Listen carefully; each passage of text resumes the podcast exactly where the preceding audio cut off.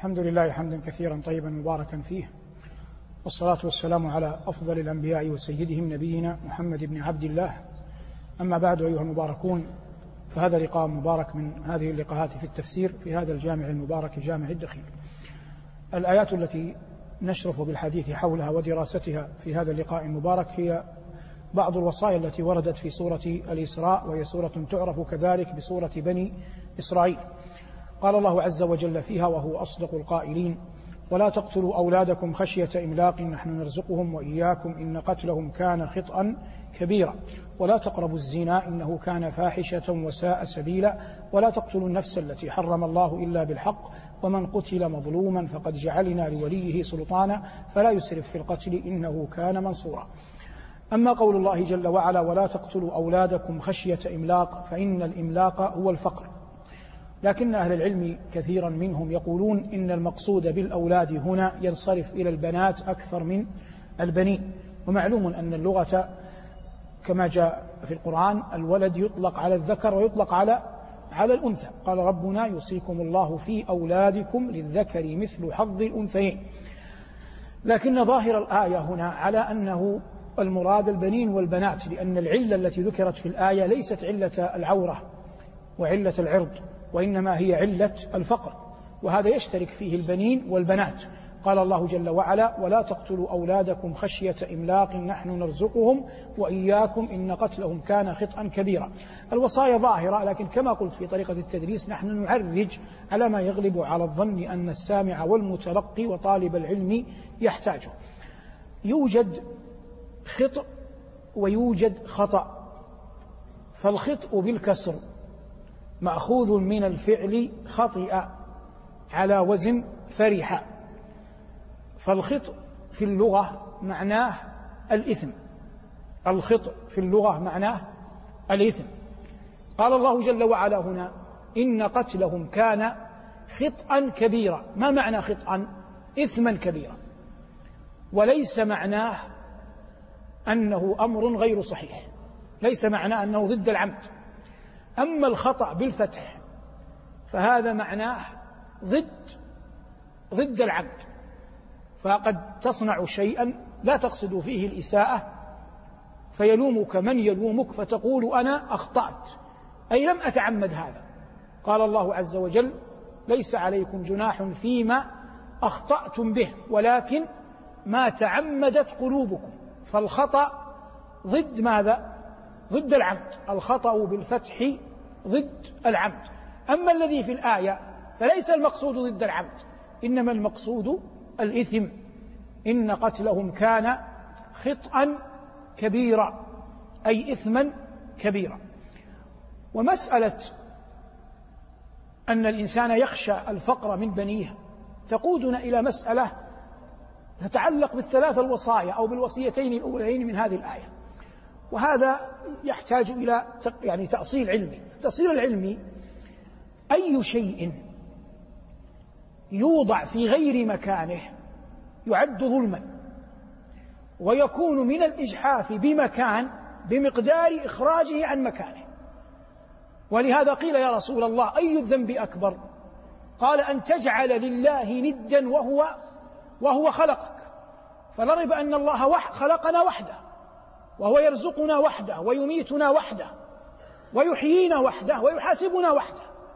فإذا جاء أحد ما فعبد مع الله غيره أو أشرك مع الله جل وعلا أحدا غيره فقد جاء بمنتهى الظلم لأنه صرف ما لا ينبغي صرفه إلا لمن؟ إلا لله. ولهذا قال الله إن الشرك لظلم عظيم. الشرك لظلم عظيم في أعلى المنازل. لكن هناك منازل من غير الشرك تسمى ظلم. تمام الحديث قيل يا رسول الله ثم أي؟ قال أن تقتل ولدك خشية أن يطعم معك. أين الظلم هنا؟ الله جل وعلا رزقك الولد لتقوته لتطعمه لتقوم برعايته. فلا يجب أن تنصرف رعايتك إلى أحد أولى من أولى من ولدك. فإن قتلته فقد أتيت بالنقيض. من هو محل للرعاية والعناية والعطاء؟ جعلته محلا لل... للقتل. هذا من أعظم الظلم بعد الشرك بالله. قيل يا رسول الله ثم أي؟ قال أن تزاني حليلة جارك فالزنا حرام. لكنه إن كان مع حليلة الجار كان أشد جرما وإثما وأعظم. لما؟ لأن أصل أن الإنسان مؤتمن على عرض جاره وأن جارك ربما بدا له سفر فسافر فمما يخفف عليه خوفه على أهله علمه أنك جاره فهو أولى الناس بأن تحفظ عرضه وذماره وأن تراعيه. فإن وقع منك أنت الأذى لجاره في حليلته في زوجته فقد قلبت المسألة. كما جاء في الشرك. فهذا يسمى ظلم. كما جاء في الحديث أن تجعل لله ندا وهو خلقك أن تقتل ولدك خشية أن يطعم معك أن تزاني حليلة جارك. بمعنى أوسع الفقهاء يقولون تسمعون باليمين المغلظة. اليمين المغلظة تغلظ زمانا وتغلظ مكانا. فقالوا إنها تغلظ زمانا إذا كانت بعد صلاة العصر وتغلظ مكانا إذا كانت عند منبر رسول الله صلى الله عليه وسلم. لما غلظت مكانا هنا عند المنبر؟ لأن المنبر محل للأجور. فلما يأتي أحد ويقسم عند المنبر كذبا يمينا غموسا فقد جعل المكان من محل للأجور إلى محل للفجور. جعل المكان من محل للأجور إلى محل للفجور. فقلب القضية. هنا قال الله جل وعلا ولا تقتلوا أولادكم من إملاق نحن نرزقهم وإياكم إن قتلهم كان خطأ كبيرا. من هنا بهذه الطريقة يفهم مراد الله جل وعلا من كلامه. على أن العرب وتبعهم بعض الناس إلى اليوم في مسألة البنات لهم فيها رأي آخر وهو أن الإنسان يخشى على بناته من بعده. يقول أحد الشعراء عنده ابنة فإذا لاعبها داعبها جلس معها تدمع عيناه. فإن سئل قال أخشى عليها أن أموت قبلها. ويتمنى أن تموت ابنته قبله. يقول تهوى حياتي وأهوى موتها شفقا والموت أعظم نزال على الحرم. تهوى حياتي وأهوى موتها شفقا والموت أعظم نزال من على الحرم. أخشى عليها فظاظة عم أو جفاء أخ وقد كنت أخشى عليها حتى أذى الكلم. يعني أنا لا أصبر في الدنيا أن يؤذيها أحد بكلم. فكيف بعد وفاتي ويقول في بعض ثنايا أبياته فيكشف الستر عنها عن لحم على وضمي يعني يخاف أن تسلك مسالك حتى تسد جوعها. لكن هذا وإن كان في أصله فيه شيء من الحق إلا أن المؤمن يعلم أن أعظم ما يحفظ أهلك بعدك صلتك بربك. وكان أبوهما صالحا. هذه واحدة.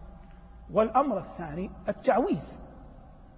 لا بد أن يربى البنين والبنات على الصلة بالله. لا بد أن الرجل الأب الراعي حقا لأبنائه وبناته يورثهم في جلساته معهم أن الذي يحفظ ويرعى هو الله جل جلاله. يحاول أن بطرائق عدة بحسب ما يقتضيه المقام أن يورث قلوب أبنائه وبناته ولو في سبيل طريقة تعامله معهم أن الذي يحفظ هو الله. فهذا مما يحفظهم الله جل وعلا به لأنه إذا وقر في قلب الفتاة في قلب الفتى أن الذي يحفظ هو الله سيعمل بما هو عالم به أو معتقد له أو مقتنع به. هذا كله يعينه. حتى في قضية كيف يؤدبهم يعني مثلا يأتي مثلا هذه أي تأتي أيام صيف أو أيام شتاء يطول فيها الليل. وللأسر يعني جلساتها ذهابها إيابها ثم يأتون من مكانهم الذي كانوا فيه فيفيء البنين إلى غرفهم وتفيء البنات والبنات يفئن إلى غرفهم. حري بالوالد يمر يمضي يطرق الباب بأدب يجلهم يكرمهم حتى يشعروا بالرغبة منه. في أي حديث يقول فيقول لو أوتر لو أوترتم هذا مما يحفظكم الله به في النهار. يقول لابنته أوتري هذا مما يحفظك الله به في النهار. ثم يمضي حتى لا يربى الناس على أنهم يعبدون الله من أجلنا. إنما يمضي يترك له مساحة. قد لا تقوم البنت أو الابن في الليلة الأولى ولا في الثانية. لكن إن رأت من ذلك منك وكنت أصلا إذا قام ابنك أو ابنتك في الليل يتفقدك أو سمع صوتا يبحث عنك أو بدا له أن يشرب من مكان نائم وهو يمشي في طرقات البيت لا يمكن أن تقع عيناه على شيء أجمل من من أن يرى أباه أو يرى أمه قائما قائما يصلي. هذا الذي يورث في الأبناء التقوى. هذا خير من منشور يقدم أو شريط يسمع. وإن كان في هذين خير. لكن مثل هذا أعمل في الصدور أعمل في القلوب أعمل في الوعظ. قال الله جل وعلا ولا تقتلوا أولادكم خشية إملاق نحن نرزقهم وإياكم إن قتلهم كان خطأ كبيرا. ثم قال ولا تقربوا الزنا إنه كان فاحشة وساء سبيلا. والزنا مما حرمه الله في الملل والأديان كلها. وقد صح عنه صلى الله عليه وسلم أنه قال لأصحابه ذات يوم إني رأيت البارحة عجبا. رأيت رجلين وقفا على رأسي. ثم قال لي انطلق فانطلقت معهما. فإذا أنا برجل يشدخ رأسه بحجر. ثم إن الحجر يتفرق. رجل قائم عليه يشدخ رأسه بحجر وهو مستلق على ظهره. ثم إن الحجر يتفرق ثم يجمع الحجر فيعود الرأس كما كان ثم يشدق يشدخ. قلت من هذا من هذان؟ قال لي أي اللذان معه انطلق. قال فانطلقت. قال فأتيت على رجل يوضع الكلوب في شدقه إلى قفاه وفي منخره إلى قفاه. قلت من هذان؟ قال لي انطلق. قال فانطلقت وأنا أذكر الحديث بإيجاز. فإذا برجل فإذا برجل يسبح في نهر مثل الدم أحمر وعند الشط رجل واقف معه حجارة فالذي يسبح يسبح ما شاء الله ثم يأتي إلى الرجل الذي على الشط فيلقمه الحجر فيلتقمه ثم يسبح. على هذا يمضيان. قلت من هذان؟ قال لي انطلق فانطلقت. قال فأتيت على تنور ضيق من أدناه واسع من أعلاه وفيه أصوات قوم يضجون. فنظرت فإذا رجال ونساء عراة. قلت من هؤلاء؟ قال لي انطلق. فانطلقت. فإذا أنا برجل كأكره ما أنت رائن كريه المرأة. وعنده نار يحشها. قلت من هذا؟ قال لي انطلق. فانطلقت. حتى أتيت على رجل طوال وحوله ولدان. كأكثر ما أنت رائن من ولدان قلت من هذا؟ قال لي انطلق حتى انتهى به إلى مقامه في الجنة صلى الله عليه وسلم. قال ثم قلت لهما حدثاني عما رأيت. الآن ما زال في الرؤيا ورؤيا الأنبياء حق. قالوا أما الرجل الذي يشدخ برأسه في الصخر فهذا الرجل يقرأ القرآن وينام عن الصلاة المكتوبة. وأما الذي يؤخذ بالكلوب في شدقه فهذا الرجل يكذب الكذبة فتطير في الآفاق. وأما الذي في نهر من الدم أحمر فهذا آكل الربا. وأما الذين في التنور يتضاهون فهؤلاء الزناة والزواني. وأما الذي رأيته كريه المرأة فهذا مالك خازن النار. وأما الذي رأيته رجلا طوالا وحوله ولدان فهذا إبراهيم وهؤلاء ولدان المسلمين كل من مات قبل البلوغ في كفالته في الجنة. والمؤمنون شفقة رحمة. لما قال صلى الله عليه وسلم هذا قام أحد الصحابة. فقال يا رسول الله وأولاد المشركين. فقال صلى الله عليه وسلم وأولاد المشركين. فظاهر الحديث الحديث في البخاري أن أولاد المشركين إذا ماتوا قبل البلوغ يكونون في كفالة إبراهيم. موضع الشاهد من الحديث. قوله صلى الله عليه وسلم عن النساء والرجال الذين في التنور فالزنا عياذا بالله من كبائر الذنوب.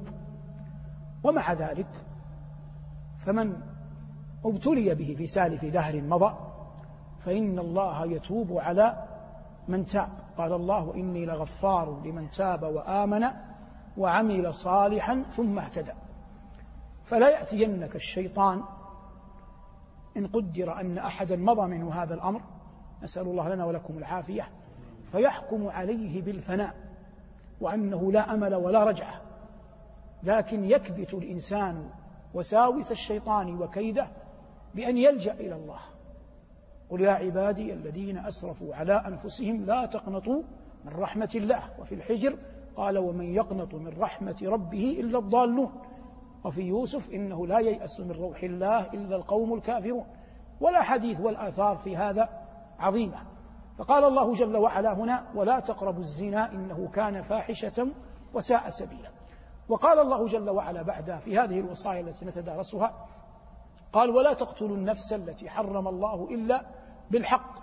ومن قتل مظلوما فقد جعلنا لوليه سلطانا أي حجة. وهو ما أودعه الله في قلوب الناس من القصاص والقود والعفو حتى قبل الإسلام. وقول الله جل وعلا ولا تقتلوا النفس التي حرم الله إلا بالحق القتل الإماتة بفعل فاعل. القتل الإماتة بفعل فاعل يسمى قتل. ولا تقتلوا النفس التي حرم الله إلا بالحق إلا استثنائية إلا بالحق إلا أن يكون هذا القتل متلبسا بالحق أن يصبح تلكم النفس حقيق أن تقتل كما يقتل القاتل قصاصا. قال الله جل وعلا فلا يسرف في القتل لأنه كانت العرب يرى بعضها على بعض فضل.